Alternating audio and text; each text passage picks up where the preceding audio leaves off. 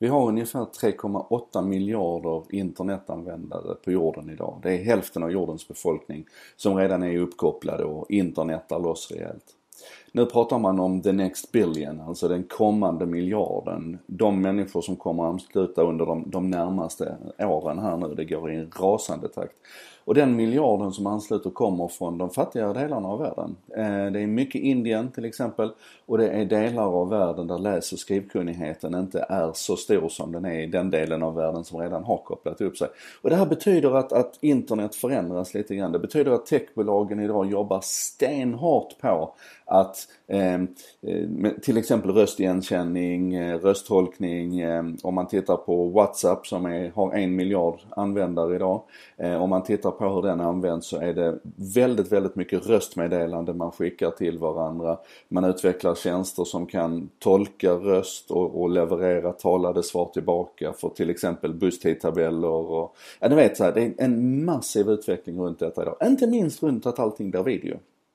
Eh, och det här är ju superintressant för oss av flera skäl. För att eh, inte minst för att all den utvecklingen som sker mot den här miljarden så att säga för att kunna motsvara deras behov kommer ju oss till nytta också. Eh, röstigenkänning har vi pratat om och, och video inte minst. Jag menar det faktum att jag väljer att göra en sak idag i videoformat. Det är ju ett utslag av att, att vi hittar nya sätt att kommunicera på, att tekniken blir enklare. Och för mig som gjorde Jardenberg kommenterar i många år jag satt och skrev varenda morgon så är det här ett väldigt spännande format att jag bara sätter mig ner och pratar istället. Eh, och, och, och, för speciella grupper i samhället så får det här ännu större genomslag. Jag, jag lyssnade på en podcast för lite drygt ett år sedan tror jag som heter Blind Kids Touchscreen Phones and the Dead of Literacy, eller the Dead of Writing.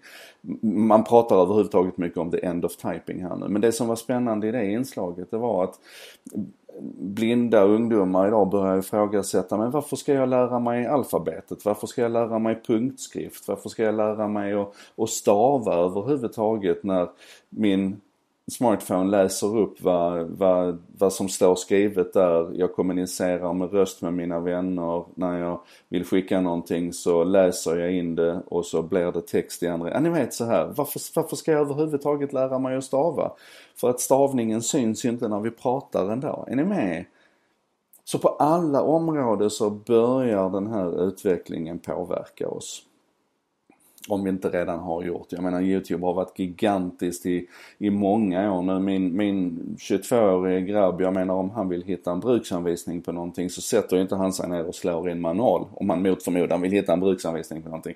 Så slår han ju inte in pappersmanual, eller hur? Han går ju till Youtube och så hittar han en how-to på hur man ska tvätta och, och hur man ska ställa in torktumlaren och, och hur man ska lära sig att koda och jag menar video har ju blivit gigantiskt. Ett tecken på det här. Men en sak som slog mig när jag läste en artikel om detta det är hur, hur tydligt vi kan se den här förändringen när vi tittar på någons smartphone. Eh, och i det fallet så visade man upp ett antal startskärmar på indiska mobiltelefoner och kunde konstatera att de såg radikalt annorlunda ut. Fun fact förresten, i Indien så har Apple bara 3% av mobilmarknaden. Det är bara Android som gäller där. Och det är också en sån här sak som är intressant att reflektera över. Men i alla fall, när man tittade på de här startskärmarna så kunde man, kunde man konstatera att de flesta apparna där kände jag inte igen. Ja, WhatsApp kände jag igen. Men i övrigt så var det i stort sett appar som vi inte använder alls. Och då kommer jag tänka på en sak som jag vill att du ska göra. För det här är en, också en övning som jag brukar utsätta mina workshopdeltagare för ibland. Och då ska du hitta en kompis eller en kollega eller varför inte din son, dotter eller mamma, pappa. Så sätter du dig ner och så tänder ni upp startskärmen på mobiltelefonen. Så här. Så att ni ser apparna som ligger. Och så byter ni mobiltelefon med varandra. Och så tittar ni på varandras mobiltelefoner och konstaterar liksom vilka, vilka appar finns det här som jag inte har? Vilka appar har man valt att lägga i den nedre raden så att de alltid är åtkomliga? Vilka appar har man valt att lägga på andra skärmen? Eh, titta på hur har man sorterat det? Hur många notifieringar har man liggande? Eh, det här med sortering förresten är kul. Jag brukar alltid hitta någon i en stor församling så är det alltid någon som sorterar sina applikationer i färgordning. Ni vet så färgkoordinerat ungefär som man gjorde med bokhyllan.